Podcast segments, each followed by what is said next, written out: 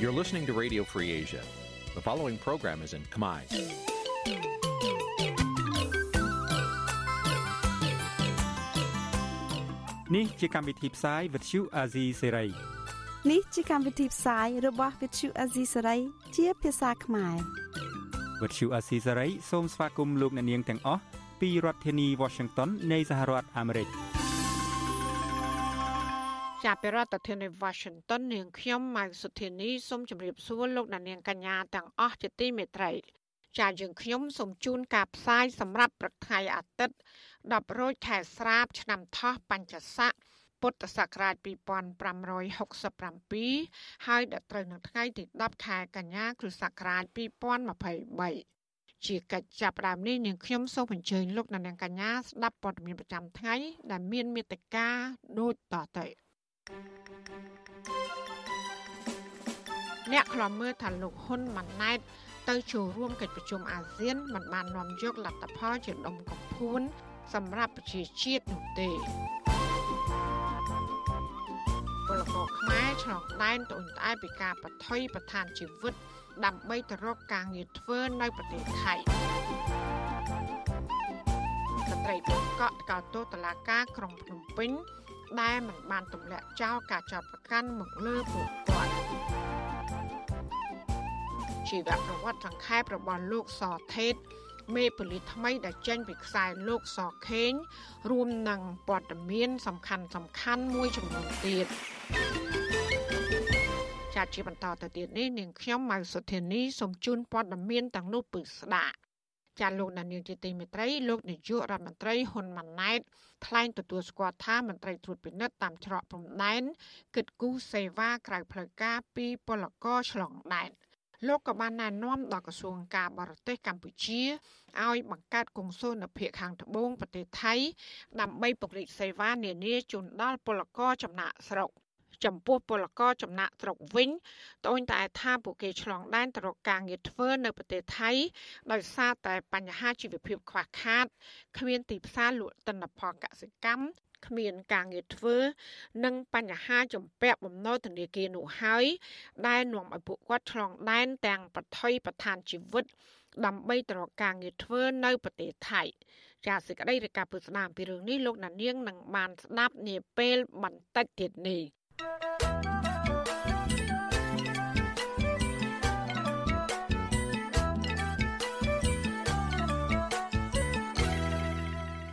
ចាលោកដានីលជាទីមេត្រីពាក់ព័ន្ធនឹងនាយករដ្ឋមន្ត្រីហ៊ុនម៉ាណែតនេះដែរសហជីពនឹងអ្នកខ្លាំមើលថាការដែលលោកហ៊ុនម៉ាណែតខំអួតអាងប្រាប់កម្មករអំពីគុណសម្បត្តិរបស់លោក ដែលបានទៅចូលរួមក្នុងកិច្ចប្រជុំកម្ពុជាអាស៊ាន នៅប្រទេសឥណ្ឌូនេស៊ីនោះ គឺគ្រាន់តែជាការស្វែងរកមុខមាត់និងកិត្តិយសខ្លួនឯងក៏ប៉ុន្តែលោកមិនបានដោះស្រាយបញ្ហាឬនាំយកលទ្ធផល ជាដុំកភួនសម្រាប់ប្រជាជាតិនោះឡើយពួកគាត់យល់ឃើញថាលោកហ៊ុនម៉ាណែតគួរតែស្ដារប្រជាធិបតេយ្យនិងការគោរពសិទ្ធិមនុស្សឡើងវិញទើបកម្ពុជាទទួលបានផលប្រយោជន៍សេដ្ឋកិច្ចពីសហគមន៍អន្តរជាតិពិតប្រាកដចាលោកយ៉ងច័ន្ទតារារាយការណ៍ព័ត៌មាននេះ ក្រោយពីវិលត្រឡប់ពីការចូលរួមក្នុងកិច្ចប្រជុំកំពូលអាស៊ាននិងកិច្ចប្រជុំពាក់ព័ន្ធនៅប្រទេសឥណ្ឌូនេស៊ីលោកនាយរដ្ឋមន្ត្រីហ៊ុនម៉ាណែតបានអួតអាងប្រាប់ពលរដ្ឋថាលោកទទួលបានជោគជ័យនៅក្នុងបេសកកម្មមួយនេះក៏ប៉ុន្តែអ្នកខ្លំមើលចាត់ទុកថានេះជាជោគជ័យសម្រាប់ខ្លួនលោកផ្ទាល់មិនមែនសម្រាប់ប្រទេសកម្ពុជាឡើយនៅក្នុងឱកាសចុះជួបកម្មករនៅក្នុងខេត្តកំពង់ស្ពឺនៅថ្ងៃទី9ខែកញ្ញាលោកហ៊ុនម៉ាណែតថ្លែងថា ការចូលរួមកិច្ចប្រជុំកំពូលអាស៊ាន និងកិច្ចប្រជុំពាក់ព័ន្ធជាមួយប្រទេសក្នុងតំបន់និងប្រទេសមហាអំណាចលើពិភពលោកមិនមែនទៅដើម្បីសម្ញែងនោះទេក៏ប៉ុន្តែជាបេសកកម្មដើម្បីប្រយោជន៍ជាតិ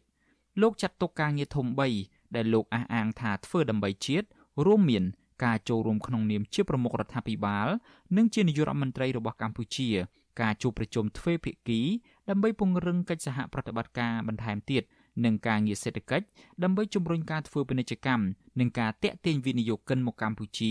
ដោយក្នុងនោះមានការជំរុញការនាំចេញអង្ករទៅប្រទេសឥណ្ឌូនេស៊ីកិច្ចសហប្រតិបត្តិការវិស័យកសិកម្មនិងសហគ្រាសធុនតូចនិងមធ្យមជាមួយហ្វីលីពីននិងជំរុញឲ្យប្រទេសកូរ៉េខាងត្បូងទទួលយកពលករខ្មែរកាន់តែច្រើន។ វិស័យសម្រាប់កសិផលចិនជប៉ុនកូរ៉េក្រៅពីហ្វីលីពីនហើយហ្វីលីពីននេះឥឡូវដោយកំពុងតែចរចារឿងកដោយ20ម៉ឺនតោនហើយយើងចង់បង្កើនរហូតដល់50ម៉ឺនតោនយើងនឹងចរចាបន្ថែមទៀតហើយផលិតផលផ្សេងផ្សេងទៀតសិង្ហបុរីក៏ចាប់អារម្មណ៍រឿងបន្លែយើងរឿងសាច់ជ្រូកសាច់គោសាច់មាន់បាទរបស់យើងយើងអាចបើកទីផ្សារនឹងជាតាក់មួយការងារខ្ញុំធ្វើ3ក្នុងពេលជាមួយគ្នាលើពីនេះទៅទៀតលោកហ៊ុនម៉ាណែតអះអាងថាពេលប្រជុំនៅប្រទេសឥណ្ឌូនេស៊ីនោះ លោកមមាញឹកខ្លាំងរហូតដាច់បាយនិងស្រកទម្ងន់អស់1គីឡូថែមទៀតផ្ទុយពីការអួតអាងរបស់លោកហ៊ុនម៉ាណែតនេះអ្នកខ្លាំមើលស្ថានភាពកម្ពុជាយល់ថាប្រសិនបើលោកហ៊ុនម៉ាណែតចង់ជួយពង្រីកសេដ្ឋកិច្ចជាតិនិងទាក់ទាញអ្នកវិនិយោគនោះលោកមិនបាច់ខំប្រឹងតាក់ទងជាមួយប្រទេសតូចតាចរហូតដល់ដាច់បាយដាច់ទឹកនោះទេពលគឺលោកគ្រាន់តែកែតម្រង់ប្រព័ន្ធយុតិធធឲ្យបានល្អស្ដារប្រជាធិបតេយ្យនិងការគោរពសិទ្ធិមនុស្សឡើងវិញ នោះកម្ពុជានឹងទទួលបានផលប្រយោជន៍ផ្នែកសេដ្ឋកិច្ចធំធេងពីប្រទេសដែលមានសេដ្ឋកិច្ចជឿនលឿនដូចជាសហរដ្ឋអាមេរិកនិងសហភាពអឺរ៉ុបជាដើមប្រធានក្រុមប្រឹក្សាខ្លំមើលកម្ពុជាប្រចាំនៅប្រទេសណ័រវេលោកម៉ែនណាត លើកឡើងថានយោបាយតាក់មួយរបស់លោកហ៊ុនម៉ាណែតនេះគ្មានផលចំណេញសម្រាប់កម្ពុជាទេ ពីព្រោះទីផ្សារសំខាន់ៗរបស់កម្ពុជា សម្រាប់នាំចេញទំនិញនោះគឺសហរដ្ឋអាមេរិកនិងសហភាពអឺរ៉ុប ខណៈដែលបណ្ដាប្រទេសភាគច្រើនក្នុងតំបន់អាស៊ានក៏ពឹងផ្អែកទៅលើទីផ្សារប្រទេសលោកសេរីនេះផងដែរលោកម៉ែនណាតបន្ថែមថាការចរចាសុំទីផ្សារប្រទេសក្នុងតំបន់របស់លោកហ៊ុនម៉ាណែតនេះគឺគ្រាន់តែជាការនិយាយឲ្យប្រជាពលរដ្ឋរំភើបមួយគ្រាប៉ុណ្ណោះស្របពេលដែលវិស័យវាយនភ័ណ្ឌនៅកម្ពុជា កំពុងជួបវិបត្តិកម្មករបាត់បង់ការងាររីឯផលិតផលកសិកម្មគ្មានទីផ្សារនិងតម្លៃចុះថោក អ្វីដែលហ៊ុនម៉ាណែតនិយាយអួតក្អេងក្អាងត្រឡប់ពីប្រជុំនៅឥណ្ឌូនេស៊ីនឹងមកវិញហ្នឹងគ្មានស្អីខុសពីហ៊ុនសែនត្រឡប់អួតទេគឺថាជោគជ័យមហិមាអញ្ចឹងជាភាសាបោកសុតណាបោកប្រាស់ប្រជាពលរដ្ឋហ្នឹងថាអូទំនាក់ទំនងការទូតល្អណាធ្វើឲ្យពិភពលោកគេស្គាល់នាយករដ្ឋមន្ត្រីថ្មីក្រៅពីនេះអ្នកខ្លាំមើលស្ថានភាពកម្ពុជាលើកឡើងថា លោកហ៊ុនម៉ាណែតបានប្រើប្រាស់កិច្ចប្រជុំអាស៊ានដើម្បីស្វែងរកការគ្រប់គ្រងនិងការទទួលស្គាល់ភាពស្របច្បាប់ពីមេដឹកនាំតាមប្រទេសដែលមកចូលរួមដោយយកការចរចាទីផ្សារសេដ្ឋកិច្ចនិងកសិកម្មមកកុហកប្រជាពលរដ្ឋខ្ញុំយ៉ងច័ន្ទដារាវិទ្យុអាស៊ីសេរី Washington ចាលោកដានៀងជាទីមេត្រីរដ្ឋាភិបាលអាណត្តិទី7នេះមានការផ្លាស់ប្តូរសមាជិកដឹកនាំច្រើនក្នុងនោះក៏រួមទាំងអគ្គស្នងការនគរបាលជាតិនោះដែរ មេប៉ូលីសជាតិថ្មីគឺលោកសថេតជាអតីតស្នងការនគរបាលរាជធានីភ្នំពេញតើលោកសថេតមានប្រវត្តិបែបណាខ្លះចាសសេចក្តីរាយការណ៍ពិស្ដារអំពីរឿងនេះលោកណានៀងនឹងបានស្ដាប់នាពេលបន្តិចទៀតនេះលោកណានៀងជាទីមេត្រីដំណើរធាននឹងស្ដាប់ការផ្សាយរបស់វិទ្យុអសីសេរីតាមបណ្ដាញសង្គម Facebook YouTube និង Telegram លោកអ្នកនាងក៏អាចស្ដាប់ការផ្សាយរបស់យើងតាមរលក ធាតុអាកាសខ្លីឬ short wave តាមកម្រិតនិងកម្ពស់ដូចតទៅចាប់ពីព្រឹកចាប់ពីម៉ោង5កន្លះដល់ម៉ោង6កន្លះតាមរយៈប៉ុស SW 12.14 MHz ស្មើនឹងកម្ពស់ 25m និងប៉ុស SW 13.71 MHz ស្មើនឹងកម្ពស់ 22m ចាសម្រាប់ពេលយប់វិញគឺចាប់ពីម៉ោង7កន្លះដល់ម៉ោង8កន្លះគឺតាមរយៈប៉ុស SW 9.33 MHz ស្មើនឹងកម្ពស់ 32m ប៉ុស SW 11.88 MHz ស្មើនឹងកម្ពស់ 25m និងប៉ុស SW 12.15 MHz ស្មើនឹងកម្ពស់ 25m ចាសសូមអរគុណ ចាលោកដានៀងជាទីមេត្រីមន្ត្រីសង្គមស៊ីវិលថាក្រសួងមហាផ្ទៃមិនទាន់បង្ហាញតម្រុយអ្នកបើកក្បាលទៅយោទឹក នៅអាគារក្រសួងនេះធ្វើឲ្យមានការសង្ស័យ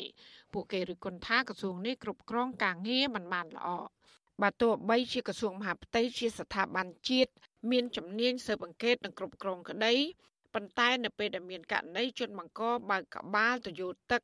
សម្រាប់សង្គ្រោះបន្ទាន់បណ្ដាឲ្យទឹកហូរហៀពេញអាគារក្រសួង ជាង10ថ្ងៃមកហើយនេះក៏ប៉ុន្តែក្រសួងនៅមិនទាន់បង្ហាញតម្រុយពីការរកឃើញនៅឡើយមន្ត្រីសង្គមស៊ីវិលបារម្ភថាបញ្ហានេះអាចធ្វើឲ្យប៉ះពាល់ដល់ឯកសារសំខាន់សំខាន់ដែលបានតម្កល់ទុកនៅក្រសួងមហាផ្ទៃ អ្នកនាំពាក្យសមាគមអាត់ហុកលោកសឹងសានករណាលើកឡើង ថាករណីបែបនេះដែលកើតឡើងនៅស្ថាប័នដ៏ធំមួយរបស់ជាតិគឺជាការបញ្ជាក់ថាមានមនុស្សមានបំណងមិនល្អចង់បំផ្លាញឯកសារដែលបានតម្កល់នៅក្រសួងមហាផ្ទៃលោកបន្តទៀតថាក្រសួងមហាផ្ទៃដែលជាស្ថាប័នការពារសន្តិសុខជាតិគួរតែមានសមត្ថភាពអាចរកឃើញជនបង្កបានលឿនលោកបន្តថានៅពេលករណីនេះ មិនត្រូវបានក្រសួងមហាផ្ទៃបង្ហាញតម្រុយអ្វីមួយដូច្នេះនឹងធ្វើឲ្យមហាជនសង្ស័យថាករណីនេះគឺជារឿងនយោបាយឬជាការឈ្នានីសរបស់មន្ត្រីរាជការ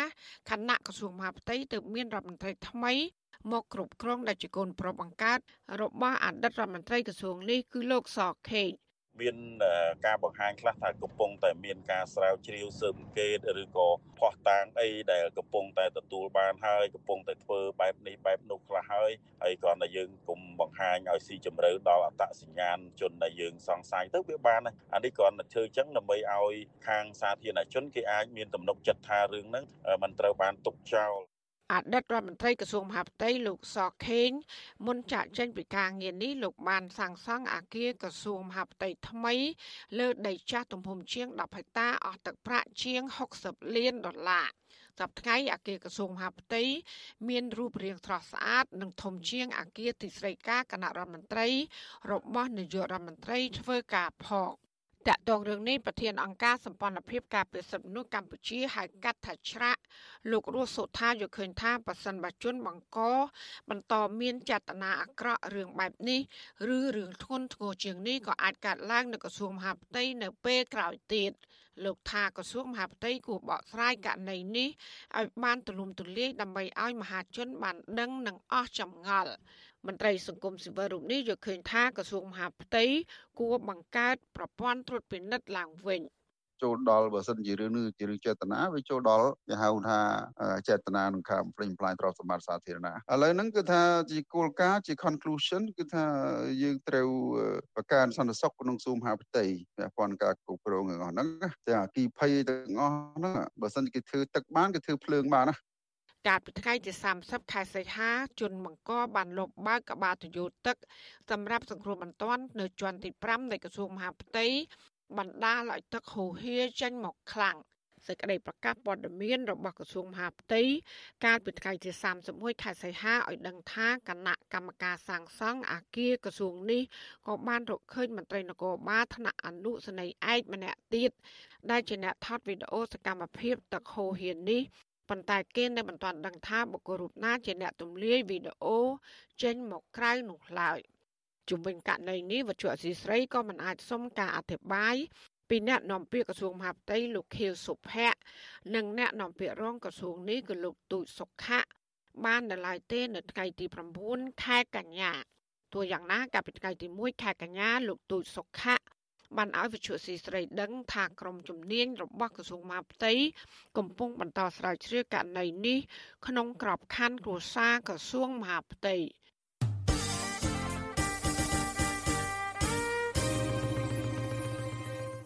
ចាលោកដានយើងជាទីមេត្រីរឿងដាច់ដライពាក់ព័ន្ធនឹងក្រមស្ត្រីបង្កក់វិញ ពួកគេរិះគន់សាលាឧទ្ធរក្រុងភ្នំពេញដែលមិនព្រមទម្លាក់ចោលការចោទប្រកាន់មកលើពួកគាត់ពាក់ព័ន្ធនឹងសំណុំរឿងកាលពី11ឆ្នាំមុនដែលអតីតតំណាងសហគមន៍បង្កក់ម្នាក់បានប្តឹងពួកគាត់ពីបទជេរប្រមាថជាសាធារណៈនិងគំរាមកំហែងថានឹងសម្លាប់ ពួកគាត់យល់ឃើញថាការសម្រេចរបស់តុលាការនេះគឺជាការអនុវត្តច្បាប់មានស្តង់ដារ2ចាលោកយ៉ងច័ន្ទរាមានសេចក្តីរាយការណ៍ដាច់ដライមួយទៀតជំវិញព័ត៌មាននេះក្រមស្ត្រីរងគ្រោះដីធ្លីនៅតំបន់បង្កក់ចំនួន6នាក់រួមមានលោកស្រីទេពវណ្ណីលោកស្រីង៉ែតខុននិងលោកស្រីឆេងលៀបជាដើមហួសចិត្តដែលសាឡាវធោភ្នំពេញនៅតែសម្រេចក្តីឲ្យពួកគាត់មានទោសដដែលពាក់ព័ន្ធទៅនឹងសំណុំរឿងចាស់កាលពីឆ្នាំ2012 ដែលអតីតតំណាងសហគមន៍បង្កក់ម្នាក់ប្តឹងពួកគាត់ពីបទជេរប្រមាថជាសាធារណៈនិងគំរាមកំហែងថានឹងសម្លាប់ខណៈពួកគាត់អះអាងថាមិនបានប្រព្រឹត្តដោយការចោទប្រកាន់នេះទេសកម្មជនដីធ្លីនៅតំបន់បង្កក់លោកស្រីង៉ែតខុនហៅយាយម៉ាមីដែលមានវ័យចាស់ជរាណាស់ទៅហើយនោះប្រាប់វិទ្យុអាស៊ីសេរីនៅថ្ងៃទី9កញ្ញាថាការសម្រេចរបស់តុលាការជាន់ខ្ពស់នេះគឺជារឿងអយុត្តិធម៌ស្ត្រីវ័យ72ឆ្នាំរូបនេះបន្តថា លោកស្រីគ្មានជំនឿលើប្រព័ន្ធតុលាការថាអាចរកយុត្តិធម៌ជូនលោកស្រីនោះទេពីព្រោះជនដែលវាយដំលោកស្រីឲ្យមានរបួសបែរជារស់នៅក្រៅសំណាញ់ច្បាប់ហើយលោកស្រីបែរជាជាប់ទោសទៅវិញ។ គេជំនាពេលទុកឲ្យមួយខែបើយើងចប់ចិត្តមិនចប់ចិត្តអីឲ្យយើងដាក់ពាក្យប្តឹងវិញក៏បានដែរហើយតែខ្ញុំថាចង់ខ្ញុំដាក់ពាក្យប្តឹងវិញខ្ញុំដាក់ពាក្យប្តឹងវិញខ្ញុំធ្វើតាំងពីដាក់ពាក្យប្តឹងក៏ទាំងក្រមនឹងក៏ទៅវិញទៀតខ្ញុំចង់ប្តឹងដាក់ពាក្យរឿងតលស្រីបោវៃខ្ញុំហើយតឡាការមិនអត់ដោះស្រាយឲ្យខ្ញុំផងខ្ញុំចាំដាក់ពាក្យហ្នឹងត្រូវខ្ញុំដាក់ពាក្យប្តឹងទៀតព្រោះគេវៃខ្ញុំគេអត់ឲ្យខ្ញុំផងចាហើយកាលហ្នឹងខ្ញុំដាក់ពាក្យឲ្យចង់ជំងឺចិត្តឲ្យខ្ញុំគេអត់ដោះស្រាយឲ្យយើងទេកាលពីថ្ងៃទី7ខែកញ្ញា ស្លាវធោភ្នំពេញ នៅតែរក្សាការចោទប្រកាន់លើសកម្មជនដីធ្លីបង្កក់ល្បីឈ្មោះគឺលោកស្រីទេពវណ្ណីលោកស្រីង៉ែតខុននិងលោកស្រីឆេងលៀបនិងស្ត្រីបង្កក់3នាក់ទៀតຕົកជាបានការដដែលពាក់ព័ន្ធទៅនឹងសំណុំរឿងជេរប្រមាថជាសាធារណៈនិងគំរាមកំហែងថានឹងសម្លាប់ដើមមិនដឹងនៃសំណុំរឿងនេះគឺជាអតីតតំណាងសហគមន៍បង្កក់ម្នាក់គឺលោកស្រីលីមុំពួកគាត់អះអាងថា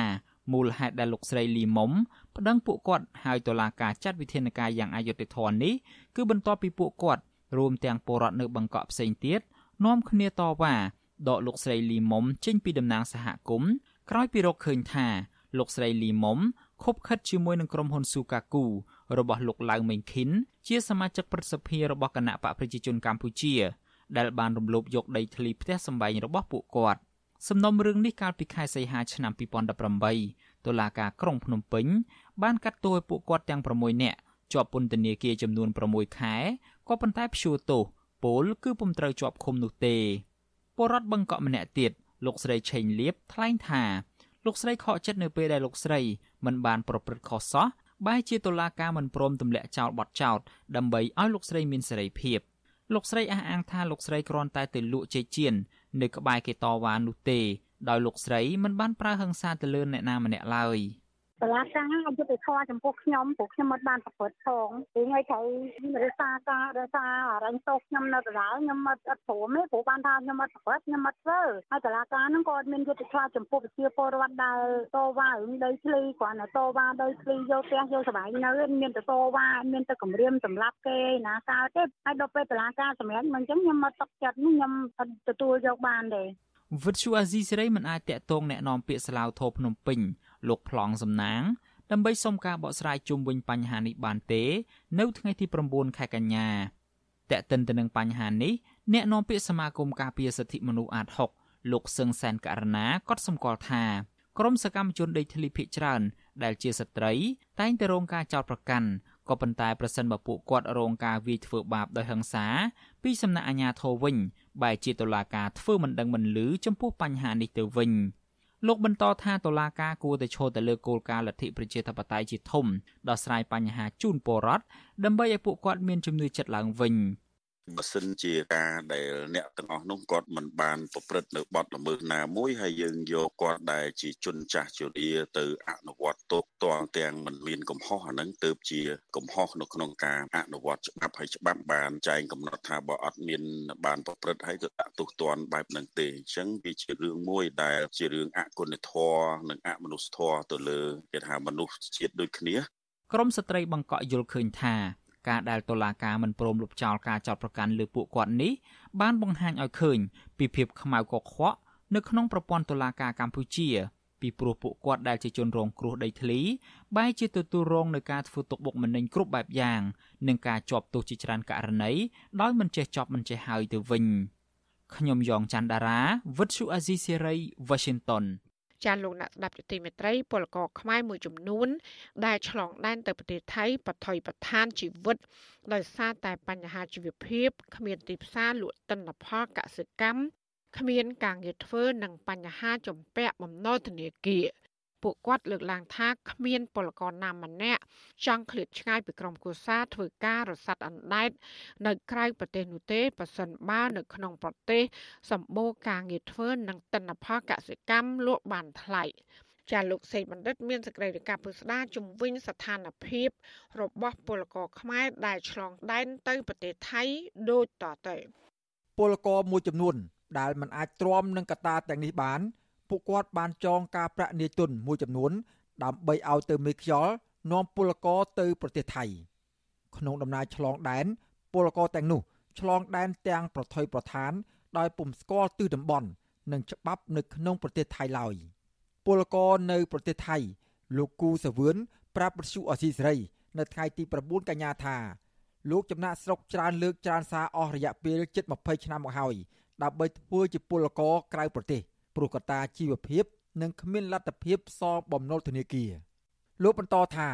ការធ្វើចំណាក់ស្រុកទៅក្រៅប្រទេសនេះលោកតែងតែជួបប្រទះការរត់ពួនលូនក្រាបពីសមត្ថកិច្ចថៃដែលតាមឃាត់ខ្លួនលោក ទីមួយយើងចំណាប់ស្រុកពីប្រទេសយើងចូលមកប្រទេសថៃទីមួយណាពេលហ្នឹងគឺខ្ញុំត្រូវគេយកខ្ញុំទៅលក់នៅប្រទេសម៉ាឡេទៀតខ្ញុំមានការប្រឈមជាច្រើនហ្នឹងហើយបានខ្ញុំមានភាពតស៊ូរឿងពលករបងប្អូនយើងខ្ញុំចេះតែละឯងទទូចព្រោះគិតពេលវេលាដែលបញ្ហាដែលខ្ញុំជួបផ្ទាល់អញ្ចឹងពលករនៅប្រទេសថៃម្នាក់ទៀតកញ្ញាគឹមហុងថ្លែងថាកញ្ញាធ្លាប់លួចឆ្លងដែនដោយខុសច្បាប់ដើម្បីធ្វើជាពលករនៅប្រទេសថៃ បើទោះបីជាមានការភ័យខ្លាចសមត្ថកិច្ចថៃខត់ខ្លួនក៏ដោយចុះកញ្ញាបន្តថាក្នុងពេលឆ្លងដែននោះមេខ្យល់បានឲ្យកញ្ញាដើរថ្មើរជើងឆ្លងព្រំដែនដែលមានចម្ងាយឆ្ងាយនិងត្រូវរងចាំនៅទឹកដីថៃ រហូតមានឡានថៃ មកដឹកទៅដល់គោលដៅពិបាកពិបាកអីពេលខ្លះយើងដើរឆ្ងាយបងដើរកាត់ព្រៃកាត់បលាកាត់អីចឹងឆ្លងទឹកអ្នកខ្លះឆ្លងទឹកក៏មានដែរ អ្នកខ្លះអើយដាច់បាយពីថ្ងៃដេកក្នុងព្រៃក៏មានបាទរត់កាត់ព្រៃក៏មានពេលអ្នកខ្លះទៅប៉ះតាហ៊ានដេញក៏មានដែរបងតែបើយើងដើរឆ្លងដីគេហើយយើងកិច្ចកិច្ចខ្លួនហើយខ្លាចគេឃើញអញ្ចឹងពលករអះអាងដូចដូចគ្នាថា បើនៅកម្ពុជា មានការងារដែលមានប្រាក់ខែសមរម្យពួកគាត់រស់នៅប្រកបដោយភាពថ្លៃថ្នូរគ្មានពលករខ្មែរណាម្នាក់ចំណាក់ស្រុកឆ្ងាយពីផ្ទះសម្បែងសាច់ញាតិបងប្អូននោះទេ ពួកគេស្នើដល់រដ្ឋាភិបាលថ្មី ដឹកនាំដោយលោកនាយករដ្ឋមន្ត្រីហ៊ុនម៉ាណែត បង្កើតឱកាសការងារក្នុងប្រទេសដើម្បីឲ្យពលករចំណាក់ស្រុកនៅក្រៅប្រទេស អាចត្រឡប់មកធ្វើការជិតផ្ទះនិងបានជួបជុំក្រុមគ្រួសារឡើងវិញលោកនាយករដ្ឋមន្ត្រីហ៊ុនម៉ាណែតថ្លែងពីការធ្វើចំណាក់ស្រុករបស់ពលរដ្ឋនៅតាមបណ្ដាប្រទេសនានាគឺដើម្បីទទួលបានប្រាក់ចំណូលច្រើន ក្នុងនោះសហរដ្ឋអាមេរិកនិងកូរ៉េខាងត្បូងក៏មានពលករចំណាក់ស្រុក ស្វែងរកការងារនៅក្រៅប្រទេសផងដែរលោកក៏ថ្លែងទទួលស្គាល់ថាមន្ត្រីត្រួតពិនិត្យច្រកព្រំដែនគិតសេវាក្រៅផ្លូវការពីពលរដ្ឋលោកហ៊ុនម៉ាណែតបន្តថារដ្ឋាភិបាលអនុញ្ញាតឲ្យរៀបចំធ្វើលិខិតឆ្លងដែនជូនពលករខ្មែរនៅក្រៅប្រទេសដោយចាប់ផ្ដើមពីប្រទេសកូរ៉េខាងត្បូងនិងណែនាំដល់ក្រសួងការបរទេសឲ្យបង្កើតកុងស៊ុលនៅភូមិខាងត្បូងប្រទេសថៃដើម្បីពង្រីកសេវានានាជូនដល់ពលករខ្មែរ។ ពលករយើងបង្កើតទាំងក្នុងប្រទេសនិងក្រៅប្រទេសមិនមែនយើងជំរុញប្រជាពលរដ្ឋយើងទៅធ្វើខ្ញុំគេទេដែរយើងបង្កើនការងារដើម្បីប្រជាពលរដ្ឋយើងមានជំរឿយើងខិតខំបង្កើតផ្ទៃក្នុងដើម្បីឲ្យបងប្អូនយើងមានឱកាសតែយើងក៏មិនហាមឃាត់បងប្អូនទៅក្រៅប្រទេសហើយនៅលើពិភពលោកនេះ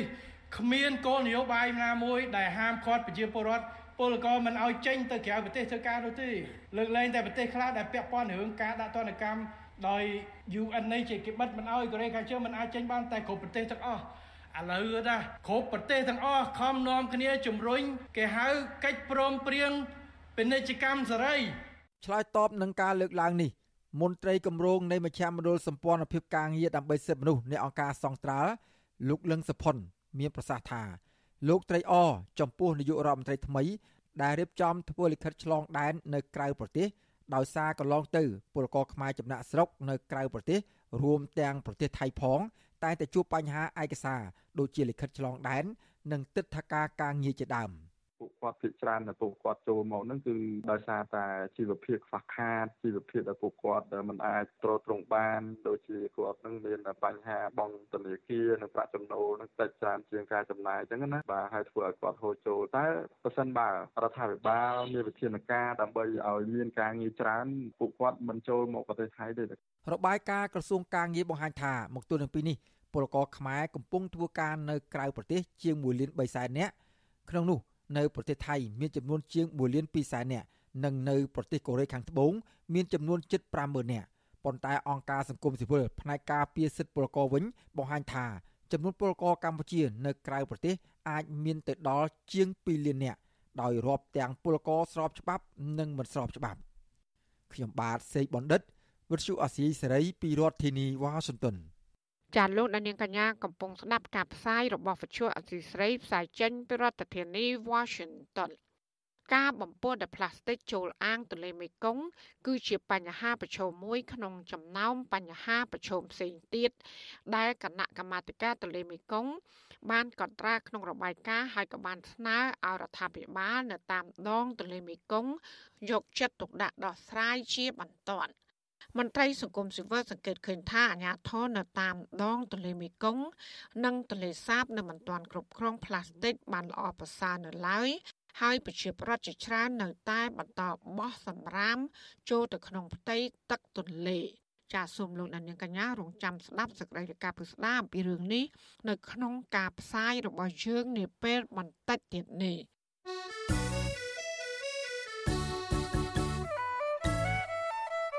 ចាលោកនានីជាទីមេត្រីកម្មវិធី podcast កម្ពុជាសប្តាហ៍នេះរបស់វិទ្យុអសីស្រីចេញផ្សាយនៅរៀងរាល់ព្រឹកថ្ងៃសៅរ៍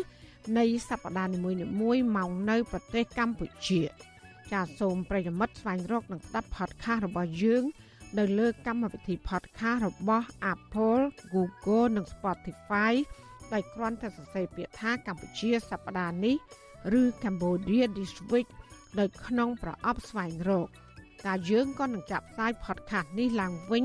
នៅក្នុងការផ្សាយផ្ទាល់របស់យើងតាមបណ្ដាញសង្គម Facebook, YouTube និង Telegram នៅរៀងរាល់យប់ថ្ងៃច័ន្ទចាសសូមអរគុណ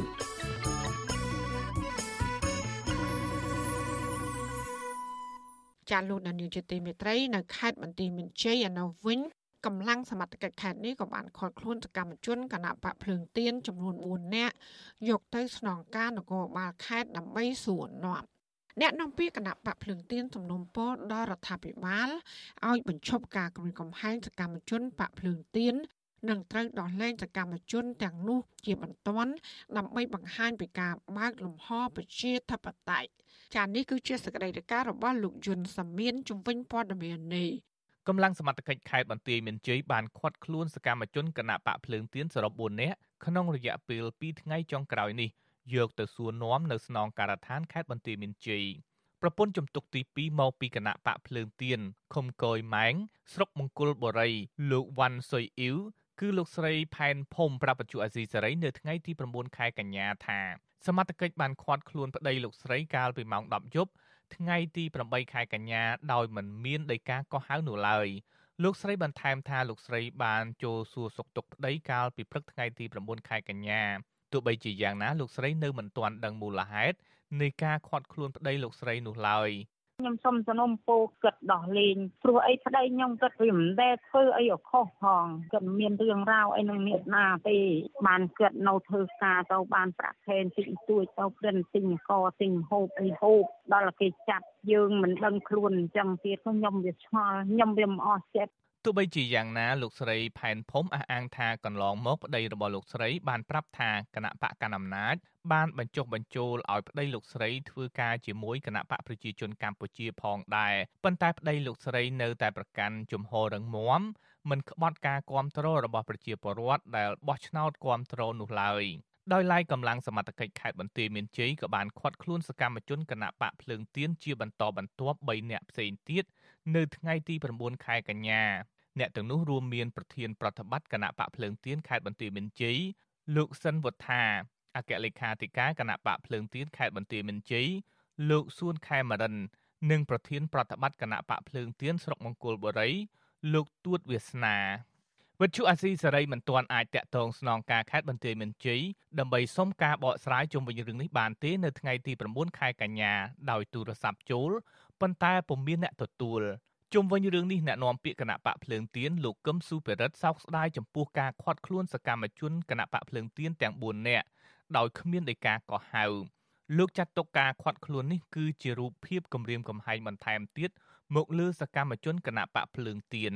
យើងសូមឲ្យយើងរក្សាជាបទកម្មផ្នែកនយោបាយព្រោះអីយើងបានបោះឆ្នោតរួចហើយហើយគណៈបកប្រជាជនហ្នឹងក៏មិនបានចូលរួមហើយក៏មិនបានធ្វើតាមជាអ្វីដែលជាទូបាប់ទេណាសូមសូមឲ្យគិតគូរឡើងវិញអំពីការបើកនៅលំហទឹកត្រីជាអ្នកការនយោបាយរបស់គណៈរដ្ឋមន្ត្រីរបស់គណៈបកប្រជាជនការខាត់ខ្លួនសកម្មជនគណៈបកភ្លើងទៀនទាំង4នាក់នេះគឺផ្ទុយទៅនឹងការស្នើសុំរបស់អគ្គលេខាធិការអង្គការសហប្រជាជាតិដែលបានស្នើឲ្យរដ្ឋាភិបាលលោកហ៊ុនម៉ាណែត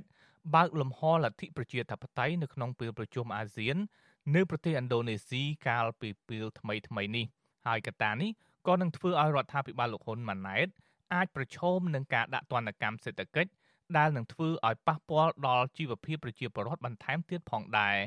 សមត្ថកិច្ចនៅមិនទាន់ដោះលែងសកម្មជនគណៈបកភ្លើងទៀនណាម្នាក់នោះឡើយគិតមកត្រឹមម៉ោងផ្សាយវិទ្យុអាស៊ីសេរីខ្ញុំយុនសាមៀនវិទ្យុអាស៊ីសេរីពីរដ្ឋធានី Washington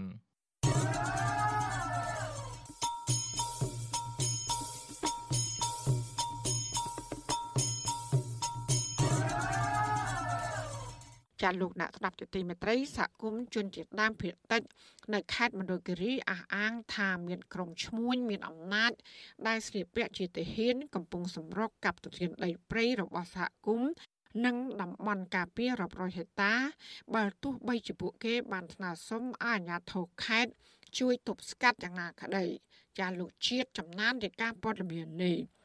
ជនជាតិដើមភាគតិចថ្មូនដែលរស់នៅភូមិរវៈ ឃុំរយស្រុកកោះញែកខេត្តមណ្ឌលគិរីបានអះអាងថាមានក្រុមឈ្មួញមានអំណាចដែលមានឯកសណ្ឋានជាមន្ត្រីយោធាបានដើរកាប់ទន្ទ្រានដីព្រៃរបស់សហគមន៍និងព្រៃតំបន់ការពាររាប់រយហិកតាធ្វើជាកម្មសិទ្ធិឯកជននិងលក់ថែមទៀតពួកគេថាឈ្មួញទាំងនោះមានទាំងកំភ្លើងក្នុងដៃដែលមានគ្នាប្រមាណជាង10នាក់បានបាញ់គំរាមទៅលើប្រជាសហគមន៍ចំនួន3គ្រាប់នៅពេលដែលប្រជាសហគមន៍នាំគ្នាដើរល្បាតនិងហាមឃាត់មិនឲ្យកាប់ទន្ទ្រានតំណាងជនជាតិដើមភាគតិចថ្មូន លោកសុកវិនហួនប្រាប់វិសុអសិសរីនៅថ្ងៃទី9ខែកញ្ញាថាមានឈ្មោះមួយក្រុមដែលស្លៀកពាក់ជាទាហាននិងមានកំភ្លើងនៅក្នុងដៃផងនោះបានកាប់ទន្ទ្រានដីព្រៃសហគមន៍ដោយអះអាងថាពួកគេមានប្លង់កម្មសិទ្ធិគ្រប់គ្រាន់ដើម្បីកាប់ទន្ទ្រានដីទាំងនោះស្របពេលដែលជនជាតិដើមភាគតិចថ្មូនរស់នៅទីតាំងនោះចាប់តាំងពីដូនតារបស់ពួកគាត់មកម្លេះលោកបន្ថែមថាសហគមន៍បានស្នើទៅអាជ្ញាធរខេត្តម្ដងរួចមកហើយប៉ុន្តែមិនទាន់ឃើញមានដំណោះស្រាយនឹងវិធានការច្បាប់នោះទេលើពីនេះលោកថាអាជ្ញាធរខេត្ត ហាក់មិនអើពើនឹងយកចិត្តទុកដាក់លើសំណើរបស់សហគមន៍នោះទេនៅពេលដែលពលរដ្ឋយកសំណើទៅដាក់នៅសាលាខេត្តខ្ញុំក៏អត់ដែរកំភ្លើងទាហានវាទាហានបើតែទាហាន2ដងទៅវាដងទាហាន3ដងវាឡានវាចង្កល់កំភ្លើងវាដាក់ក្នុងឡានហើយវាបាញ់បានបាញ់បាញ់3គ្រាប់ដែរវាបាញ់បង្ហើក្បាលប្រជាពលរដ្ឋខ្លែងហ្នឹងអត់តែភូមិវាភ័យខ្លាចហ្នឹងបងវាគន្ធានយួរគេមានអំណាចដឹងវៀតណាមវាថា អាស្រ័យតិចតួចតិចតួចមិនដែលកាត់ដូចដល់នឹងវាចូលមកកាត់វាទឹកវាដីវាអស់ព្រៃឈើសហគមន៍ជនជាតិដើមភាគតិចថ្មូនលើកឡើងថាព្រៃសហគមន៍មួយនេះគឺនៅសល់ពីដីសម្បត្តិសេដ្ឋកិច្ចដែលអាជ្ញាធរបានកាត់ជ្រៀលជាង2000ហិកតាទុកឲ្យប្រជាពលរដ្ឋនៅតំបន់នោះប្រើប្រាស់ក្នុងនោះសហគមន៍បានបែងចែកជាដីព្រៃចម្ការវិលជុំដីព្រៃកប់សពនិងដីសម្រាប់អាស្រ័យផលអនុផលប៉ុន្តែបច្ចុប្បន្នត្រូវក្រុមឈ្មួញលួចកាប់ទន្ទ្រានជាង200ហិកតាជុំវិញរឿងនេះវិសុវអសិសរីមិនអាចតាក់ទងแนะនាំពាក្យសាលាខេត្តមណ្ឌលគិរី លោកនាងបណ្ណៈនិងប្រធានបដិឋានលោកឆៅប៊ុនធឿនបាននោះទេចំណែកឯអ្នកនាំពាក្យក្រសួងការពារជាតិក៏មិនអាចសុំការអធិប្បាយបានដែរដោយទូរស័ព្ទចូលតែគ្មានអ្នកទទួលតើតើនឹងបញ្ហានេះមន្ត្រីសម្របសម្រួលសមាគមអាត់ហុកខេត្តមណ្ឌលគិរីលោកប៊ីវ៉ានីយល់ឃើញថាបញ្ហាកັບទន្ទ្រានដីព្រៃសហគមន៍និងដីព្រៃតំបន់ការពារធ្វើជាកម្មសិទ្ធិនៅតែបន្តកើតឡើងដោយឥតឈប់ឈរហើយអាជ្ញាធរនៅតែមិនព្រមចុះទៅដោះស្រាយឲ្យពលរដ្ឋហើយទង្វើនេះបង្ហាញឲ្យច្បាស់ថាអាជ្ញាធរទាំងនោះមិនបានបម្រើប្រជាពលរដ្ឋទៅតាមកាតព្វកិច្ច និងភារកិច្ចរបស់ខ្លួននោះទេលោកបន្ថែមថាការដែលមន្ត្រីយោធាប្រើប្រាស់កំភ្លើងបាញ់គំរាមទៅលើពលរដ្ឋនេះវាជាទង្វើខុសច្បាប់ហើយសមាជិកខេត្តមណ្ឌលគិរីត្រូវតែចុះស្រាវជ្រាវឲ្យបានច្បាស់លាស់ដើម្បីយកបុគ្គលទាំងនោះមកអនុវត្តច្បាប់កុំឲ្យមានការបាញ់បោះដោយសេរីបែបនេះលើសពីនេះលោកជំរុញឲ្យអាជ្ញាធរអនុវត្តច្បាប់ឲ្យបានតឹងរឹងនិងឈរលើគោលការណ៍គិតពីប្រយោជន៍រួមជាធំ។ ហើយកាលណាបើសិនជាយើងមិនចាត់ធានការច្បាប់ទៅលើបុគ្គលដែលប្រើឈ្មោះថ្នាក់ដឹកនាំឬក៏មេបញ្ជាការទាហានប៉ូលីសអញ្ចឹងចេញមកកាងឬក៏គម្រាមកំហែងដោយអាងអាវុធប្រើអាវុធបែបនេះវាបង្ហាញថាប្រទេសមួយគឺអត់មានច្បាប់អត់មានសន្តិភាពសាធារណៈទេឲ្យតអ្នកមានអំណាចឲ្យតអ្នកទាហានឬក៏មង្គលណាស្គាល់អ្នកមានអំណាចគម្រាមកំហែងមុខរឹបអូសយកដីគេតាមអំពើចិត្តព្រាញណាយើងស្នើសុំឲ្យយើងធ្វើយ៉ាងណាយកបុគ្គលទាំងពីរនឹងអនុវត្តច្បាប់ឲ្យបានតឹងរឹង ច្បាប់ស្តីពីព្រៃឈើនិងច្បាប់ស្តីពីតំបន់ការពារធម្មជាតិកំណត់ថាការកាប់គាស់រុករានដីព្រៃឆ្កាដុតនិងឈូសឆាយដីព្រៃដើម្បីធ្វើជាកម្មសិទ្ធិគឺជាបទល្មើសអូក្រិដ្ឋដែលជនប្រព្រឹត្តល្មើសនឹងត្រូវប្រន្ទាទោសដាក់ពន្ធនាគារពី5ទៅ10ឆ្នាំនិងទោសពិន័យជាប្រាក់10លានរៀលទៅ150លានរៀលចំណែកមន្ត្រីដែលពាក់ព័ន្ធធ្វើប្រហែសឬមិនគោរពច្បាប់នេះទៅទទួលវិន័យរដ្ឋបាលនិងត្រូវចោទប្រកាន់ចំពោះមុខតុលាការហើយប្រសិនបើមន្ត្រីទាំងនោះសំគំនិតនឹងជនល្មើសត្រូវប្រន្ទាទោសដោយជនប្រព្រឹត្តដែរ ខ្ញុំបាទជាចំណាន Visual Society ពីរដ្ឋធានី Washington ចាលោកនានីជាទីមេត្រីអ្នកខ្លំមើលលើកឡើងថារយៈពេល10ឆ្នាំនៃការបង្កើតគំនិតផ្ដួចផ្ដើមខ្សែក្រវ៉ាត់និងផ្លូវរបស់ចិន កម្ពុជាពុំទទួលបានផលប្រយោជន៍ជាដុំកំភួននោះទេក៏ប៉ុន្តែកម្ពុជាហាក់កំពុងធ្លាក់ចូលក្នុងអន្ទាក់បំណុលចិន បន្តិចម្ដងបន្តិចម្ដង តាមរយៈការស្នើសុំកម្ចីយកមកសាងសង់ហេដ្ឋារចនាសម្ព័ន្ធនានា ពួកគេរិះគន់ថាប្រាក់កម្ចីដែលកម្ពុជាទទួលបានពីចិនពុំមានភ្ជាប់លក្ខខណ្ឌប្រជាធិបតេយ្យនិងប្រើប្រាស់ក្នុងគោលបំណងអភិវឌ្ឍជាតិគ្មានដំណាភាពគណៈកម្ពុជាមានមន្ត្រីជាន់ខ្ពស់ក្រាក់ក្រាក់ប្រព្រឹត្តអំពើពុករលួយជាប្រព័ន្ធចាលោកថាថៃរាយការណ៍លំអិតជំវិញព័ត៌មាននេះដូចតទៅអ្នកតាមដានស្ថានភាពនយោបាយកម្ពុជាលើកឡើងថាគំនិតផ្ដួចផ្ដើមខ្សែក្រវ៉ាត់និងផ្លូវរបស់ចិនរយៈពេល10ឆ្នាំមកនេះ កម្ពុជាទទួលបានផលប្រយោជន៍តិចតួចបើប្រៀបធៀបនឹងផលអាក្រក់ដែលកម្ពុជាទទួលបានពីគម្រោងមួយនេះសកម្មជនកិច្ចព្រមព្រៀងសន្តិភាពទីក្រុងប៉ារីសលោកស៊ុនស្រាន់លើកឡើងថាតាមរយៈគំនិតប្រួយផ្ដាំខ្សែក្រវ៉ាត់និងផ្លូវរបស់ចិនជាង10ឆ្នាំកន្លងមកនេះកម្ពុជាចាប់ផ្ដើមងាកចេញអំពីការដឹកនាំស្របតាមប្រជាធិបតេយ្យនិងពំបានរក្សាជំហរអព្យាក្រឹតរបស់ខ្លួនដែលមានចែងក្នុងច្បាប់រដ្ឋធម្មនុញ្ញនិងកិច្ចព្រមព្រៀងសន្តិភាពទីក្រុងប៉ារីសនោះទេលើសពីនេះ លោកមើលឃើញថាវិបត្តិនយោបាយនៅកម្ពុជាកំពុងជាប់គាំងសពថ្ងៃនិងវិបត្តិសេដ្ឋកិច្ចដែលកម្ពុជាធ្លាប់រកស៊ីជាមួយបណ្ដាប្រទេសលោកសេរីកន្លងមកក៏ជាផ្នែកមួយដែលកម្ពុជាប្រកាសគាំទ្រពេញទំហឹងនៅគំនិតផ្ដួចផ្ដើមខ្សែក្រវ៉ាត់និងផ្លូវរបស់ចិនខណៈឆ្នាំ2017រដ្ឋាភិបាលបានរំលាយគណៈបកប្រឆាំងនិងរត់ទៅពឹងផ្អែកសេដ្ឋកិច្ចចិនទាំងស្រុង BRI នេះគឺមានការរំលោភសិទ្ធិមនុស្សខ្មែរធ្ងន់ធ្ងរមែនទែនការរំលោភសិទ្ធិមនុស្សកើតអំពើនិទានភាពអំពើពុករលួយជាប្រព័ន្ធអំពើអយុត្តិធម៌កើតឡើងវិបត្តិដីធ្លីកើតឡើង ការបាត់បង់ចំណេះជំនាញពលរដ្ឋខ្មែររត់ចេញពីភូមិឃុំស្រុកកំណើតហើយចម្ពាក់បំណុលអនុទានវ៉ាន់កគឺការចេញពីចំណែកដ៏ធំមួយគឺការលងលក់ជាមួយនឹងរឿង BRI នេះ BRI គឺជាចំណែកមួយដ៏ធំដែលបានរួមចំណែកធ្វើឲ្យខ្មែរបាត់បង់ភាពជាម្ចាស់ការទៅលើវិស័យសេដ្ឋកិច្ចរបស់ខ្មែរដែលវាធ្វើឲ្យកើតនៅទំនាស់ដីធ្លីយ៉ាងធ្ងន់ធ្ងរវិទ្យុអាស៊ីសេរីមិនអាចតាក់ទងតំណាងស្ថានទូតចិនប្រចាំកម្ពុជាដើម្បីសូមប្រតិកម្មឆ្លើយតបនឹងការលើកឡើងនេះបានទេនៅថ្ងៃទី9ខែកញ្ញាតាក់ទងនឹងរឿងនេះលោកនាយករដ្ឋមន្ត្រីហ៊ុនម៉ាណែតថ្លែងក្នុងកិច្ចប្រជុំកំពូលអាស៊ាន កាលពីថ្ងៃទី6ខែកញ្ញាថាកម្ពុជាទទួលបានផលប្រយោជន៍ជាច្រើនក្នុងវិស័យដឹកជញ្ជូននិង Logistics រួមមានផ្លូវលបឿនលឿនភ្នំពេញទៅកាន់ខេត្តព្រះសីហនុ ដែលសមិទ្ធផលទាំងនេះកើតចេញពីគំនិតផ្ដួចផ្ដើមខ្សែក្រវ៉ាត់និងផ្លូវរបស់ប្រទេសចិនប្រទេសចិនកុម្មុយនីសបានប្រកាសយុទ្ធសាស្ត្រគំនិតផ្ដួចផ្ដើមខ្សែក្រវ៉ាត់និងផ្លូវកាលពីឆ្នាំ2013ក្រុមហេតុផលថាដើម្បីផ្សារភ្ជាប់ហេដ្ឋារចនាសម្ព័ន្ធសម្រួលការផ្លាស់ប្ដូរពាណិជ្ជកម្មរវាងប្រទេសនៅទ្វីបអាស៊ីអាហ្វ្រិកនិងអឺរ៉ុបព្រមទាំងប្រទេសផ្សេងៗនៅលើពិភពលោក ក៏ប៉ុន្តែគម្រោងនេះរងការរិះគន់ថាជាមហិច្ឆតាប្រចាំសតវត្សរបស់ចិនក្នុងការពង្រីកអធិបតេយ្យសេដ្ឋកិច្ចភូមិសាស្ត្រនយោបាយវប្បធម៌របស់ខ្លួននិងស្រូបទាញប្រទេសដែលកំពុងអភិវឌ្ឍឲ្យជាប់អន្ទាក់បំណុលចិនវ៉ាន់កតាមរយៈការស្នើសុំកម្ចីពីប្រទេសចិនអភិវឌ្ឍប្រទេសរបស់ពួកគេ មកទល់នឹងពេលនេះមានប្រទេសមួយចំនួនដូចជាឡាវស្រីលង្កានិងប្រទេសមួយចំនួនទៀតនៅតំបន់អាហ្វ្រិក បានអនុញ្ញាតឲ្យប្រទេសចិនរឹបអូសធនធានធម្មជាតិនិងគ្រប់គ្រងកំពង់ផែរបស់ខ្លួនដើម្បីជាធ្នូដោះបំណុលចិនដែលប្រទេសទាំងនោះបានខ្ចីអភិវឌ្ឍជាតិក្នុងការគ្រប់គ្រងគំនិតផ្ដួចផ្ដើមខ្សែក្រវ៉ាត់និងផ្លូវរបស់ប្រទេសចិនក្រោយកម្ពុជាប្រកាសគ្រប់គ្រងគំនិតផ្ដួចផ្ដើមខ្សែក្រវ៉ាត់និងផ្លូវរបស់ចិនទំនាក់ទំនងកម្ពុជាចិនឈានដល់កម្រិតកិច្ចសហប្រតិបត្តិការភាពជាដៃគូយុទ្ធសាស្ត្រគ្រប់ជ្រុងជ្រោយក្រៅពីវិស័យពាណិជ្ជកម្មសេដ្ឋកិច្ចនយោបាយកសិកម្មសន្តិសុខការពីជាតិនិងការទូត ភាគីទាំងពីរក៏ជំរុញកិច្ចសហប្រតិបត្តិការលើវិស័យវិទ្យាសាស្ត្រអប់រំវប្បធម៌ទេសចរសុខាភិបាលនិងឈានរហូតដល់កិច្ចសហប្រតិបត្តិការថ្នាក់មូលដ្ឋានទៀតផងបើទោះបីជាយ៉ាងណាអ្នកខ្លមើលវិតម្លៃថា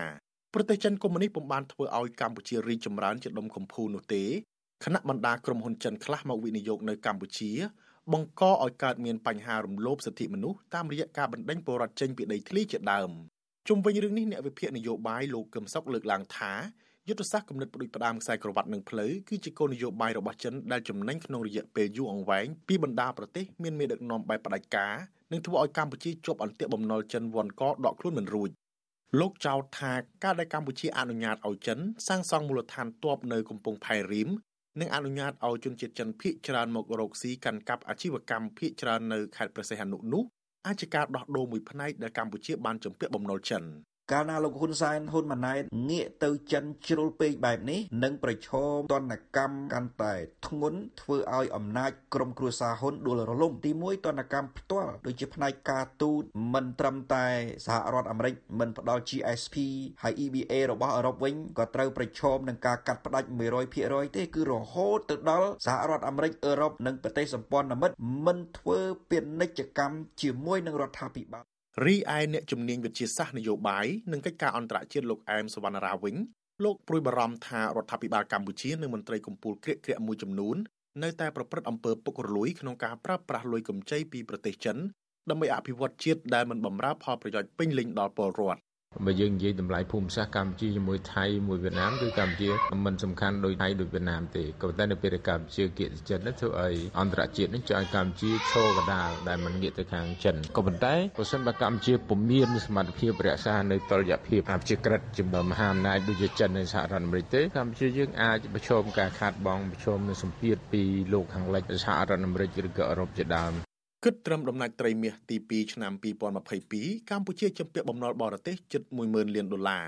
ក្នុងនោះបំណុលរដ្ឋស្ទើរតែពាក់កណ្ដាលគឺកម្ពុជាជំពាក់មិត្តដៃថៃចិនមានចំនួនប្រមាណ4000លានដុល្លារអាមេរិក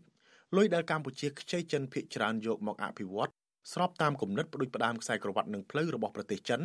ដែលមានការសាងសង់ហេដ្ឋារចនាសម្ព័ន្ធស្ពាននិងប្រព័ន្ធធារាសាស្ត្រជាដើម។ ក្រុមអ្នកជំនាញបង្ហាញក្តីបារម្ភថាបំណុលទាំងនេះភាគច្រើនប្រមូលផ្ដុំតែទៅលើតែម្ចាស់បំណុលចិនតែមួយ ដែលអាចនាំឲ្យកម្ពុជាបាត់បង់អធិបតេយ្យទៅប្រទេសចិនក្នុងករណីកម្ពុជាមិនអាចរើខ្លួនសមបំណុលចិនរួចខ្ញុំថាថៃពីទីក្រុងមែលប៊នលោកដានៀងជាទីមេត្រីរដ្ឋាភិបាលអាណត្តិទី7នេះ មានការផ្លាស់ប្តូរសមាជិកដឹកនាំច្រើនក្នុងនោះក៏រួមទាំងអគ្គស្នងការនគរបាលជាតិនោះដែរ មេប៉ូលីសជាតិថ្មីគឺលោកសថេត ជាអតីតស្នងការនគរបាលរាជធានីភ្នំពេញតើលោកសថេតមានប្រវត្តិបែបណាចាលោកយ៉ងច័ន្ទរាសូមជូនសេចក្តីរាយការណ៍ពិស្ដាដូចតទៅលោកសថេតឡើងតំណែងជាអគ្គស្នងការនគរបាលជាតិដ៏គួរឲ្យភ្ញាក់ផ្អើលជំនួសឲ្យលោកណេតសាវឿនដែលទៅកាន់តំណែងជាឧបនាយករដ្ឋមន្ត្រីទទួលបន្ទុកសន្តិសុខជាតិនិងសម្ដាប់ធ្នាប់សាធារណៈលោកសថេតមានប្រសាសន៍ថា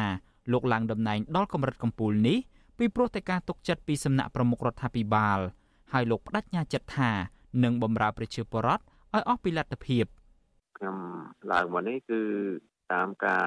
ទុកចិត្តពីប្រមុខរាជរដ្ឋាភិបាលក៏ដូចជាថាដឹកនាំដទៃទៀតសំខាន់គឺយើងមកនេះតាំងចិត្តបម្រើប្រជាពលរដ្ឋឲ្យអស់លទ្ធភាព ដើម្បីឲ្យប្រជាពលរដ្ឋលោកបានសบายចិត្តសំណុកកាយក្នុងការប្រកបមុខរបរទទួលទានរបស់លោកលោកសថេតកើតនៅឆ្នាំ1972នៅស្រុកកំចាយមៀខេត្តព្រៃវែងលោកគឺជាប្អូនជីដូនមួយរបស់លោកសខេងអតីតរដ្ឋមន្ត្រីក្រសួងមហាផ្ទៃលោកសថេតបានបញ្ចប់ការសិក្សាថ្នាក់បរិញ្ញាបត្រជាន់ខ្ពស់ផ្នែកគ្រប់គ្រងនៅសាកលវិទ្យាល័យកសិសាស្ត្រនៃប្រទេសថៃ លោកសថេតបានចូលបម្រើការងារជាមន្ត្រីនគរបាលអស់រយៈពេលជិត30ឆ្នាំមកហើយលោកបានឡើងតួនាទីនឹងឋានន្តរស័ក្តិជាបន្តបន្ទាប់មានជាអាចអនុប្រធាននាយកដ្ឋានប្រឆាំងបទល្មើសសេដ្ឋកិច្ចស្នងការនគរបាលខេត្តបាត់ដំបងស្នងការនគរបាលរាជធានីភ្នំពេញអគ្គស្នងការរងនគរបាលជាតិរហូតដល់ក្លាយជាអគ្គស្នងការនគរបាលជាតិនៅពេលនេះលោកសថេតគឺជានាយឧត្តមសេនីយ៍មួយរូបដែលមិនបានបង្ហាញភាពហ៊ឺហា និងជីវិតឯកជនរបស់លោកជាសាធារណៈនោះទេទំព័រ Facebook របស់លោកមានតែរូបភាពដឹកនាំបញ្ជាកងកម្លាំងសកម្មភាពក្រៅម៉ោងការងារនិងសកម្មភាពឃោសនានយោបាយឲ្យគណៈបកប្រជាជនកម្ពុជាខុសពីមេប៉ូលីសពីររូបមុនគឺលោកហុកឡុងឌីនិងលោកណេតសាវឿនដែលមានប្រវត្តិខាងរំលោភសិទ្ធិមនុស្សធ្ងន់ធ្ងរនិងនៅពីក្រោយអំពើទុច្ចរិតច្រើនរាប់មិនអស់ដើម្បីទ្រទ្រង់អំណាចផ្ដាច់ការឲ្យលោកហ៊ុនសែន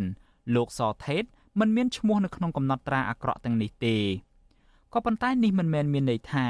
លោកដឹកនាំកងកម្លាំងដោយយកសិទ្ធិមនុស្សជាគោលនិងបើកលំហសេរីភាពជូនប្រជាពលរដ្ឋឡើយនៅក្នុងពេលលោកកាន់តំណែងជាស្នងការនគរបាលរាជធានីភ្នំពេញអញ្ញាធរបន្តរដ្ឋបិទសិទ្ធិប្រមូលផ្ដុំនិងជួបប្រជុំដោយសន្តិវិធីរបស់ប្រជាពលរដ្ឋជាងនេះទៅទៀតអញ្ញាធរបានបណ្ដោយឲ្យមានអំពើហិង្សារាប់សិបករណីទៅលើសកម្មជននិងអ្នកគាំទ្រគណៈបកប្រឆាំង ដោយអាជ្ញាធរមិនបានអើពើវែកមុខចាប់ជនដៃដល់យកមកដាក់ទោសតាមច្បាប់ឡើយរីឯការចាប់ចងសកម្មជននយោបាយសកម្មជនសង្គមនិងប្រជាពលរដ្ឋវិញ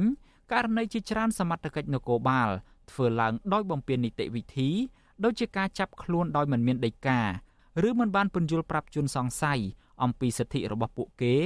និងការឃុំជនសង្ស័យលើសធរៈវេលាកំណត់ដោយច្បាប់ជាដើម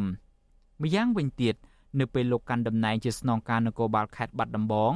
ប្រជាពលរដ្ឋនិងមន្ត្រីរាជការមួយចំនួន បានរិះគន់លោកថាបានបង្កើតប្រព័ន្ធបកពួកនិយម នៅក្នុងជួរនគរបាលក្នុងខេត្តនេះក្រុមអ្នកសង្កេតការវិតម្លៃថាការតែងតាំងលោកសថេត ជាអគ្គស្នងការនគរបាលជាតិនៅពេលនេះមិនមែនជារឿងសមត្ថភាពដឹកនាំជាចម្បងនោះទេក៏ប៉ុន្តែគឺជារឿងបែងចែកកូតាដឹកនាំនៅក្នុងជួរនៃគណៈបកប្រជាជនកម្ពុជា អតីតតំណាងរាជគណៈបកសង្គ្រោះជាតិលោកអ៊ុំសំអាន មានប្រសាសន៍ថាលោកសថេតត្រូវបានតែងតាំងជាមេប៉ូលីសគឺដើម្បីជួយជ្រោមជ្រែងលោកសសុខានៅក្នុងការពង្រឹងអំណាចដឹកនាំក្នុងក្រសួងមហាផ្ទៃលោកសថេតគាត់ជាប្អូនជាដូនមួយរបស់លោកសខេងអញ្ចឹងនៅពេលដែលលោកសសខាឡើងជារដ្ឋមន្ត្រីក្រសួងមហាផ្ទៃត្រូវយកខ្សែរបស់គាត់យកម្ដងដូច្នេះ ត្រូវយកលោកសថេតមកដាក់ជាមេប៉ូលីសជាតិហ្នឹងដើម្បីឲ្យគាត់ទុកចិត្តថាជាខ្សែស្រឡាយរបស់គាត់ជាគ្នារបស់គាត់ណាដើម្បីគាត់ពង្រឹងអំណាចនៅក្នុងក្រសួងមហាផ្ទៃហ្នឹងកោតារបស់លោកសខេងបានចាក់គ្រឹះយ៉ាងមាំនៅក្នុងក្រសួងមហាផ្ទៃក្រោយលោកកាន់តំណែងជារដ្ឋមន្ត្រីក្រសួងមួយនេះអស់រយៈពេលប្រមាណ30ឆ្នាំក្នុងពេលដែលកូនប្រុសរបស់លោកគឺលោកសសុខាឡើងតំណែងជារដ្ឋមន្ត្រីក្រសួងមហាផ្ទៃបន្តពីលោកនោះកូនប្រុសម្នាក់ទៀតរបស់លោកសខេង គឺលោកសរដ្ឋាត្រូវបានតែងតាំងជាអគ្គស្នងការរងនគរបាលជាតិនិងជាស្នងការនគរបាលខេត្តប្រស័យហនុលោកសថេតដែលជាអគ្គស្នងការថ្មីនៃនគរបាលជាតិនេះក៏ជាសមាជិកជាន់ខ្ពស់មួយរូបនៃគណៈបកប្រជាជនកម្ពុជារបស់លោកហ៊ុនសែនដែរលោកគឺជាសមាជិកគណៈកម្មាធិការកណ្ដាលនិងមិនដែលលាក់លៀមនោះទេ នៅក្នុងការបង្ហាញជំហរនិងសកម្មភាពនយោបាយរបស់លោកជាសាធារណៈ លោកសថេតបានដាក់អតិភិបដោះស្រាយបញ្ហារ៉ាំរ៉ៃមួយចំនួន ដែលបន្សល់ទុកពីអ្នកដឹកនាំមុនមុនមានជាអាចបញ្ហាគ្រឿងញៀនគ្រោះថ្នាក់ចរាចរណ៍ការជួញដូរមនុស្សនិងបញ្ហាអសន្តិសុខសង្គមខណៈបញ្ហាសិទ្ធិសេរីភាពរបស់ប្រជាពលរដ្ឋវិញមិនមែនជាអតិភិបរបស់លោកឡើយផ្ទុយទៅវិញ លោកបានប្រមានទុកជាមុនរួចហើយថានឹងទប់ស្កាត់ឲ្យបាន នៅអ្វីមួយដែលរដ្ឋាភិបាលនិយមហៅថាជាបដិវត្តពណ៌ នរណាក៏ដោយដែលប៉ុនប៉ងព្រោះរំលំរដ្ឋាភិបាលប្រតិបត្តិដែលចេញពីចន្ទៈរាអានឹងគឺវាខុសច្បាប់ដូច្នេះយើងជាកងកម្លាំងជាឧបករណ៍របស់រដ្ឋយើងត្រូវការពារគេមិនទាន់ដឹងថាតើក្រោមការដឹកនាំរបស់លោកសថេតស្ថានភាពសិទ្ធិសេរីភាពរបស់ប្រជាពលរដ្ឋនឹងទៅជាយ៉ាងណានោះទេដោយសារតែលោកទៅទៅចូលកាន់តំណែងថ្មីថ្មីនេះក៏ប៉ុន្តែអ្នកសង្កេតការណ៍មួយចំនួនវិតម្លៃថាលោកសថេត ទំនងជាមិនអាចកែប្រែស្ថានភាពរដ្ឋបិទសេរីភាពរបស់ប្រជាពលរដ្ឋបាននោះទេ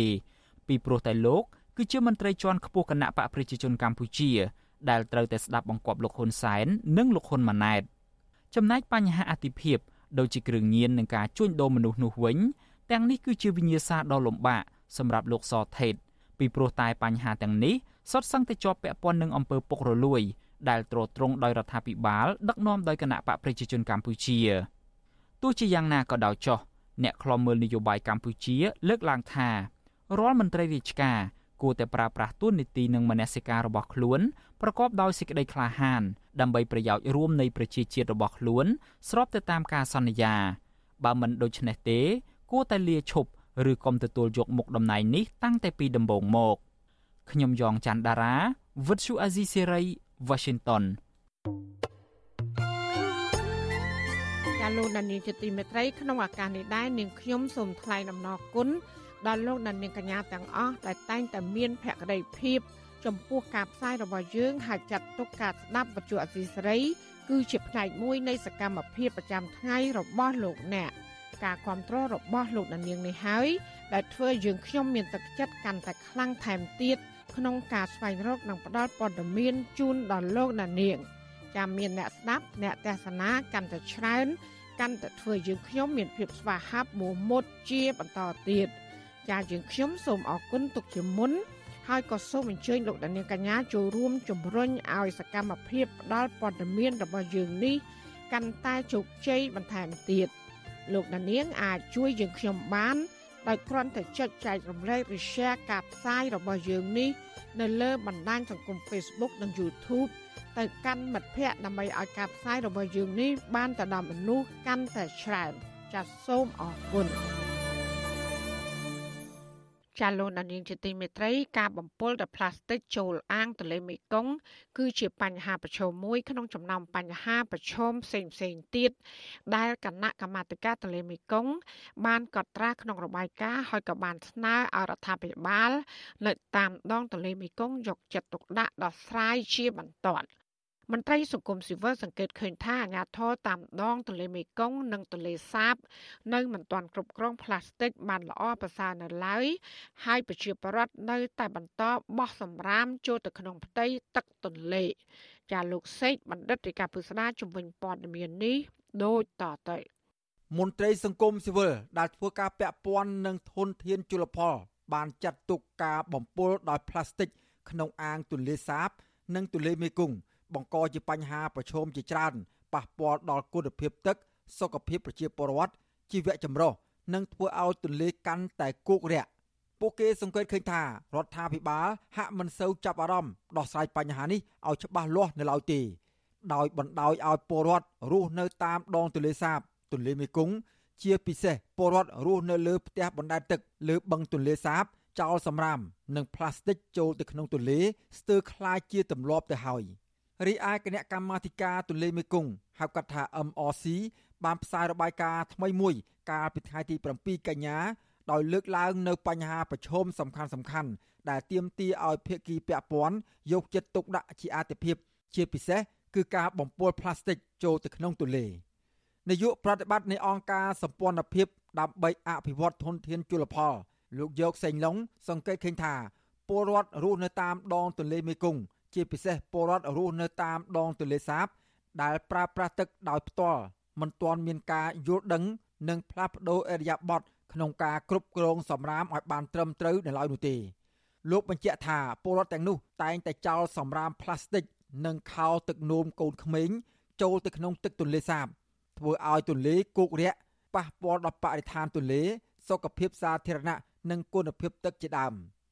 លោកបញ្ជាក់ថាមកទល់នឹងពេលនេះ អាជ្ញាធរនៅតំបន់បឹងទន្លេសាបនៅមិនទាន់គ្រប់គ្រងសម្រាមផ្លាស្ទិកនៅតំបន់បឹងទន្លេសាបឲ្យបានល្អប្រសើរនៅឡើយទេ។ ការប្រើផ្លាស្ទិកច្រើនហ្នឹងគឺនៅទន្លេសាបហើយមូលហេតុសំខាន់គឺដោយសារតែគាត់រស់នៅហ្នឹងវានៅអាយុកាលវារាប់រយឆ្នាំនោះវានៅជាមួយនឹងទឹកអញ្ចឹងនៅពេលដែលសម្រាមផ្លាស្ទិកដែលយើងបោះចូលទៅក្នុងទឹកហ្នឹងវាទីមួយវាធ្វើឲ្យទឹកហ្នឹងជំរៅទឹកជំរៅទន្លេហ្នឹងវាមានការគោករិញរាក់រាក់ទៅរាក់ទៅណានៅពេលដែលផ្លាស្ទិកវាចេះតែគោទៅគោទៅហើយដីល្បាប់នោះទៀតសោតក៏វានៅពេលដែលមានកំណោសម្រាមផ្លាស្ទិកគោអញ្ចឹងដីល្បាប់ហ្នឹងក៏វានៅកកជាប់កាន់កាន់កាន់ជាមួយនឹងផ្លាស្ទិកហ្នឹងវាធ្វើឲ្យជំរឿ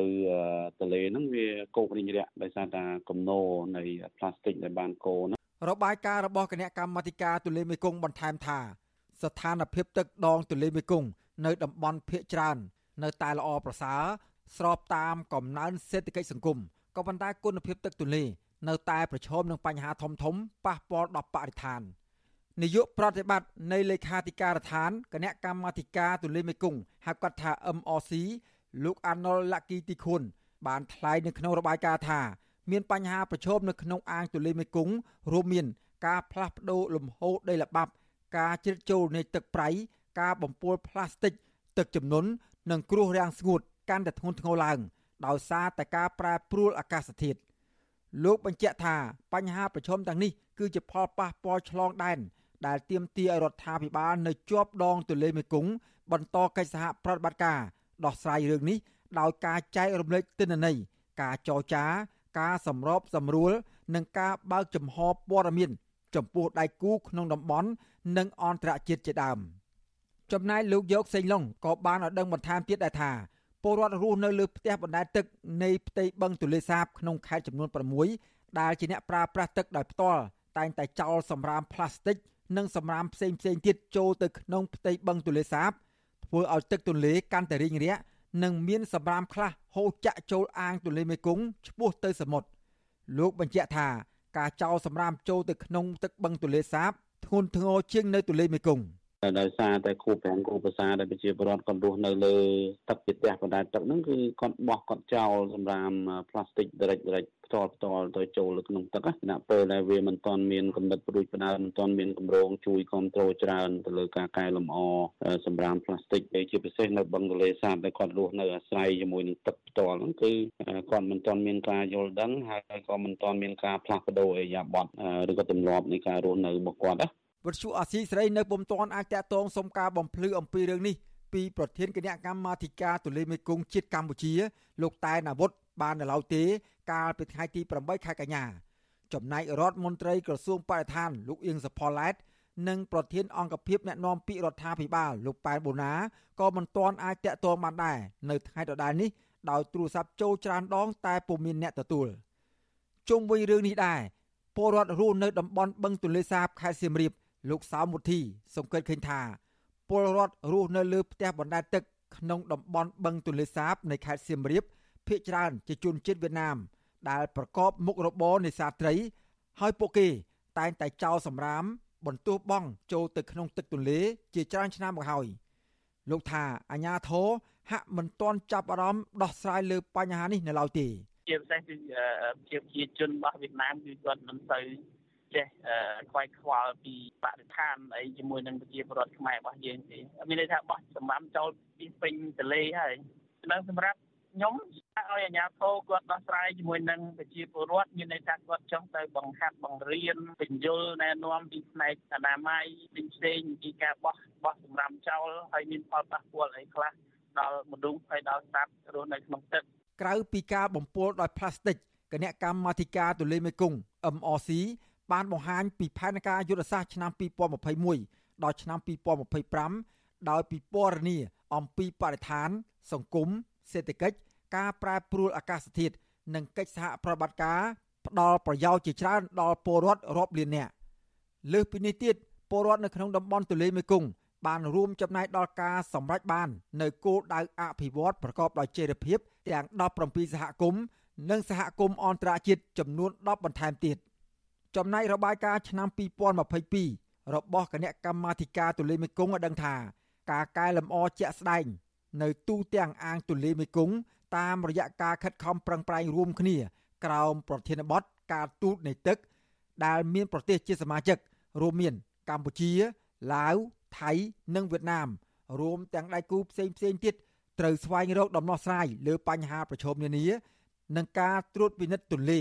ការអនុវត្តច្បាប់និវេចរនិងកសាងហេដ្ឋារចនាសម្ព័ន្ធធារាសាស្ត្រជាដើមខ្ញុំបាទសេកបណ្ឌិតវុទ្ធុអាស៊ីសេរីពីរដ្ឋធានីវ៉ាស៊ីនតោន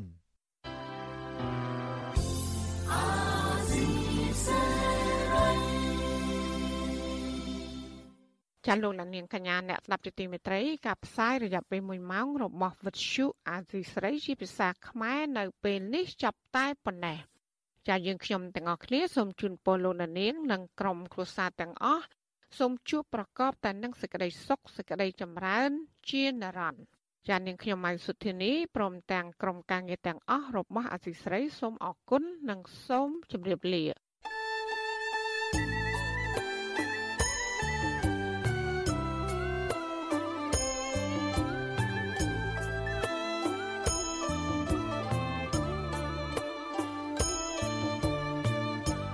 វិទ្យុអាស៊ីសេរីផ្សាយតាមរលក ធាតុអាកាសខ្លីតាមកម្រិត និងកម្ពស់ដូចតទៅនេះពេលព្រឹកចាប់ពីម៉ោង5កន្លះដល់ម៉ោង6កន្លះតាមរយៈប៉ុស SW 12.14 MHz ស្មើនឹងកម្ពស់ 25m និងប៉ុស SW 13.71 MHz ស្មើនឹងកម្ពស់ 22m ពេលយប់ចាប់ពីម៉ោង7កន្លះដល់ម៉ោង8កន្លះតាមរយៈប៉ុស SW 9.33 MHz ស្មើនឹងកម្ពស់ 32m ប៉ុស SW 11.88 MHz ស្មើនឹងកម្ពស់ 25m និងប៉ុស SW 12.15 MHz ស្មើនឹងកម្ពស់ 25m លោកអ្នកនាងក៏អាចស្ដាប់និងទស្សនាការផ្សាយផ្ទាល់នៅលើគេហទំព័ររបស់ Vuthu Azizi Saray តាមរយៈអាស័យដ្ឋាន rfa.org/ ខ្មែរក្រៅពីនេះលោកអ្នកនាងក៏អាចអាននិងទស្សនាព័ត៌មាន Vuthu Azizi Saray លើទូរស័ព្ទដៃរបស់លោកអ្នកផ្ទាល់ សូមលោកអ្នកនាងដំឡើងកម្មវិធី Vithu Azisari នៅលើទូរស័ព្ទដៃរបស់លោកអ្នកនាងឬស្វែងរក Vithu Azisari នៅលើ YouTube ឬ Facebook ដោយស្វែងរកពាក្យថា Vithu Azisari ឬ RFA ខ្មែរ